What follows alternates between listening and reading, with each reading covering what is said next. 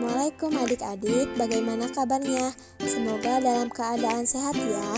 Sekarang kita akan belajar bersama Kak Sopi mengenai sistem organ pencernaan makanan pada manusia.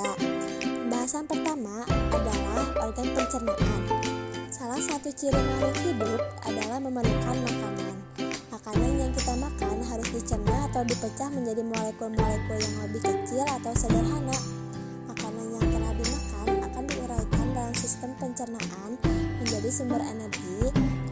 komponen penyusun sel dan jaringan, serta nutrisi yang dibutuhkan oleh tubuh. Proses pencernaan tersebut berlangsung di dalam saluran pencernaan atau organ-organ pencernaan. Alat-alat pencernaan makanan pada manusia adalah organ tubuh yang berfungsi mencerna makanan yang kita makan, yaitu satu rongga mulut. Rongga mulut merupakan awal dari saluran pencernaan dan kelenjar pencernaan seperti lidah, gigi, dan juga kelenjar ludah. Lidah berfungsi untuk mengatur makanan pada saat kita mengunyah dan untuk mendorong makanan supaya dapat masuk ke dalam kerongkongan. Selain itu, lidah juga memiliki fungsi untuk indera pengecap rasa seperti manis, asin, pahit, asam, dan pedas. Lidah juga peka terhadap rasa panas, dingin, dan juga tekanan. Berikutnya yaitu gigi. Gigi berdasarkan pada fungsinya dapat dikelompokkan menjadi tiga jenis yaitu gigi seri, gigi taring, dan gigi geraham. Sedangkan pada bagian mulut terdapat adanya ludah yang dikeluarkan oleh kelenjar ludah.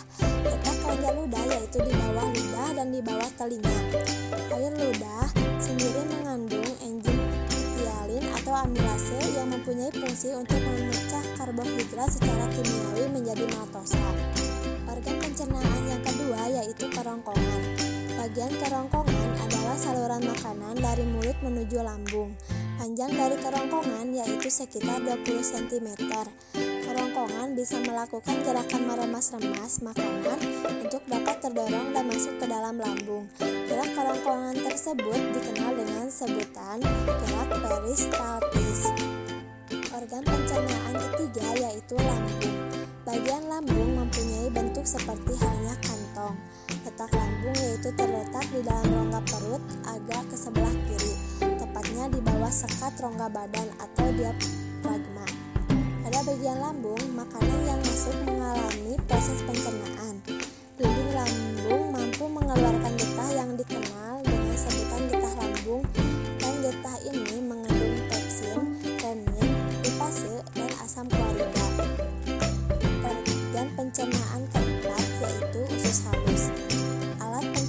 Usus halus merupakan saluran pencernaan terpanjang. Bagian usus halus terdiri dari tiga bagian, 12 jari, usus kosong, dan usus penyerapan. Organ pencernaan kelima yaitu usus besar. Usus besar mempunyai tambahan usus yang disebut usus buntu. Pada ujung usus buntu terdapat adanya usus tambahan yang disebut umbai cacing. Fungsi utama usus besar yaitu untuk mengatur kadar air dalam sisa pencernaan. Di dalam usus besar terdapat adanya bakteri coli yang mempunyai peran membusukkan atas sisa pencernaan menjadi kotoran. Oleh sebab itu, kotoran menjadi lunak dan mudah dikeluarkan.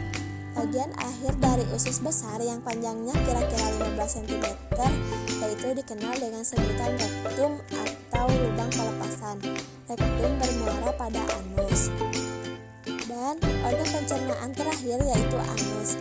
Anus berfungsi untuk proses defekasi feses dan mengatur keluarnya feses. Defekasi adalah proses membuang kotoran sisa pencernaan dalam bentuk feses. Hasil akhir dari sistem pencernaan makanan berupa feses atau kotoran. Bagaimana adik-adik? Sudah tahu kan mengenai organ pencernaan? Mudah-mudahan dapat dipahami ya.